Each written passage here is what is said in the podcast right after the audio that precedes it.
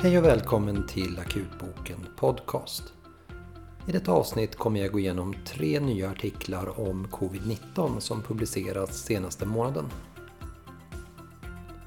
Den första artikeln handlar om risk för tromboser. Den andra är en studie om virusnivåer under olika tidpunkter i sjukdomsförloppet. Och den tredje är en studie om antikroppsdiagnostik.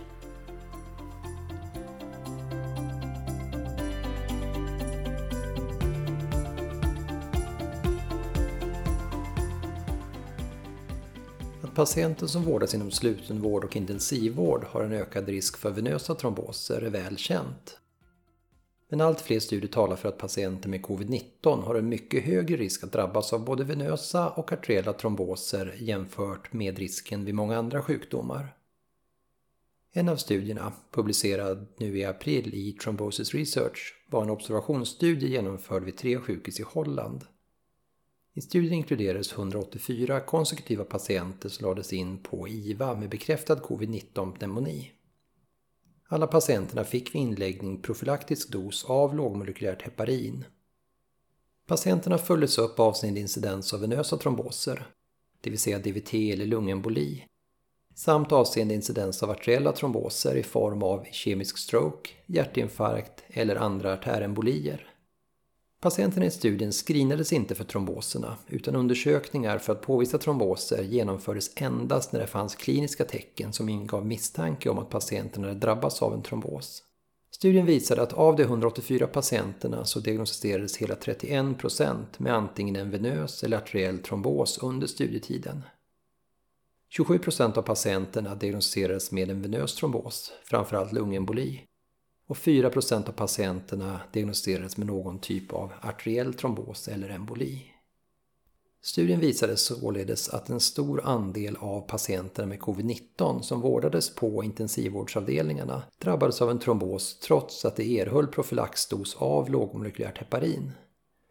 Andelen som drabbades av trombos kan också vara högre än de 31% som rapporterades i studien då man endast undersökte patienter som hade symptom på trombos och vi vet från tidigare studier att många patienter drabbas framförallt av venösa tromboser utan att ha några symptom.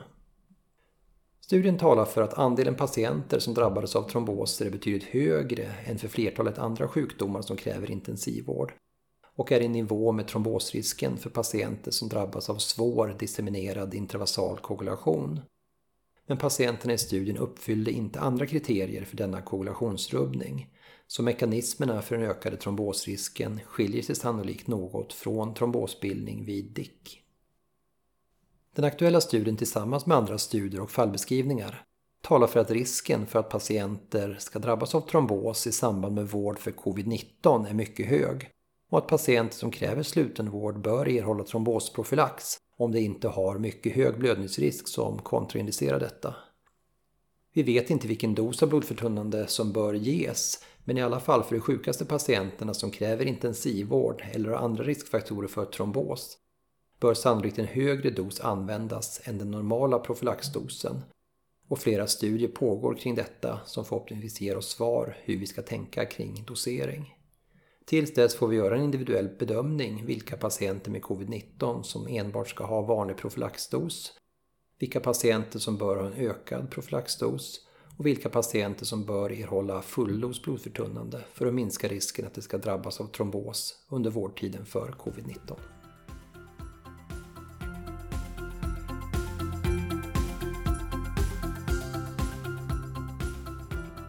Flera nya studier om viruspåvisning och virusnivåer har publicerats senaste månaden och dessa ger oss mer information om sjukdomsförloppet vid covid-19.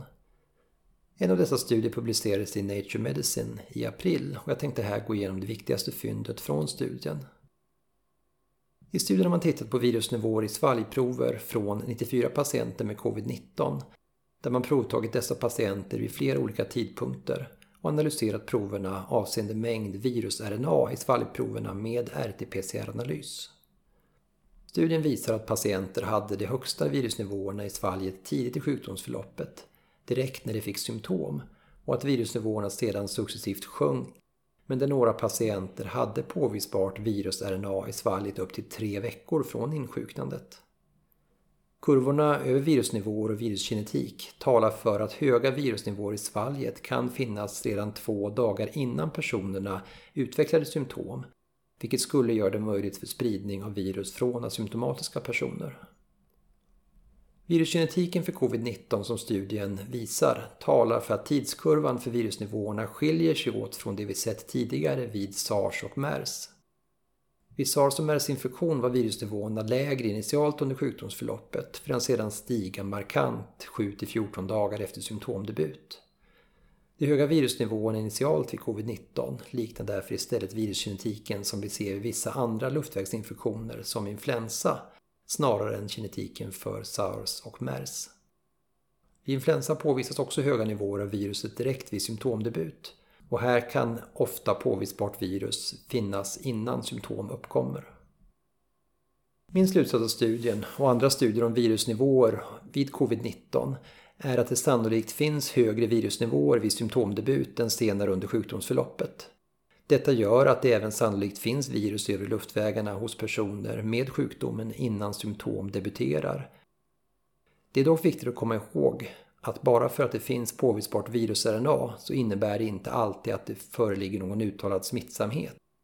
Eftersom covid-19 sprids som en dropp och kontaktsmitta är min gissning att smittsamheten fortsatt är högst när luftvägssymptom debuterat, då sekretet från luftvägarna som innehåller virus från en person med luftvägssymptom fortsatt sannolikt är den viktigaste smittvägen. Vi vet därför inte hur smittsam en asymptomatisk person med påvisbart virus i övre luftväggarna är, men sannolikt är smittsamheten här betydligt lägre än för en person med luftvägssymptom. Det är också viktigt att komma ihåg att påvisbart virus-RNA inte är samma sak som att det finns smittsamma viruspartiklar. Både den aktuella studien och andra studier visar att virus-RNA kan hos vissa patienter påvisas i luftvägarna flera veckor efter symptomdebut. Studier med virusodling talar dock för att förekomst av infektiösa och smittsamma viruspartiklar minskar snabbt och infektiösa viruspartiklar har i mindre studier inte kunnat påvisas med virusodling efter cirka en vecka efter symptomdebut, även om virus-RNA har kunnat påvisats under en längre tid. Skillnaden i fynd mellan PCR-analys och påvisning av virus-RNA och virusodling kan bero på flera olika orsaker, men bland annat att PCR-metoden för påvisning av virus-RNA är mycket känslig och kan detektera fåtal viruspartiklar som kan vara lägre än den mängd virus som krävs för att orsaka infektion. Det kan även vara så att PCR-metoden endast påvisar viruset RNA men inte säger något om förekomst av funktionella eller infektiösa viruspartiklar. Sammanfattningsvis så talar den aktuella studien för att virusgenetiken för covid-19 sannolikt skiljer sig från det vi sett för de andra coronavirusen sars och mers och att högre virusnivåer finns i övre luftvägarna tidigt i sjukdomsförloppet. Detta kan tala för att smittsamheten vid covid-19 är högre tidigt i förloppet, vilket kan vara en faktor som bidragit till den snabba samhällsspridningen av infektionen.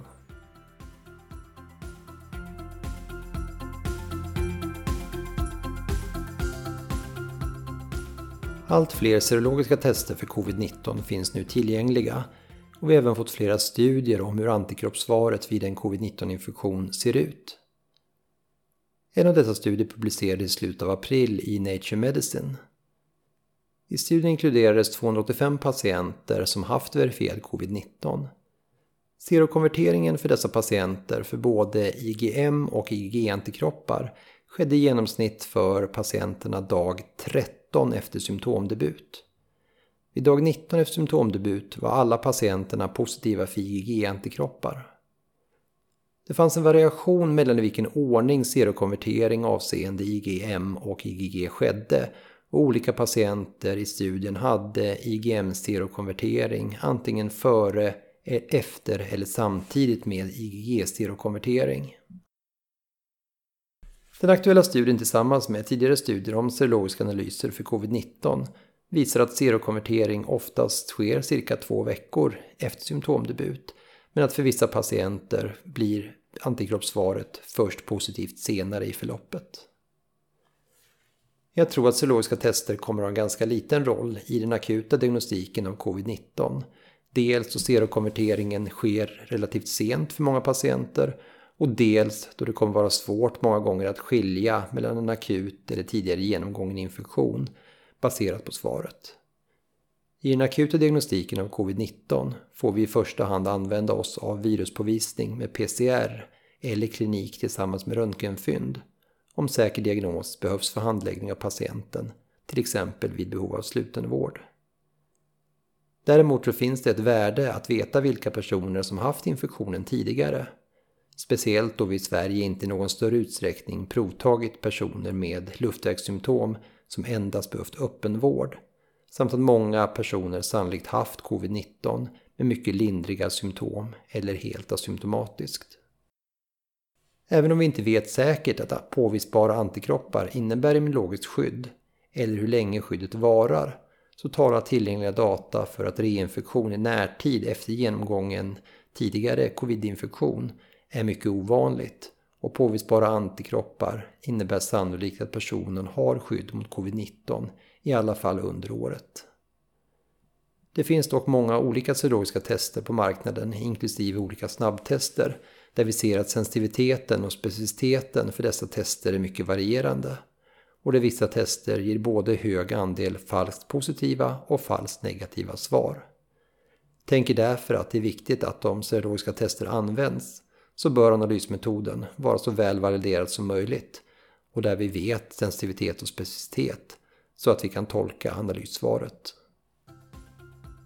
Detta var allt i avsnittet denna månad. Som vanligt hittar du länkar till artiklarna som vi gått igenom på vår hemsida www.akutboken.se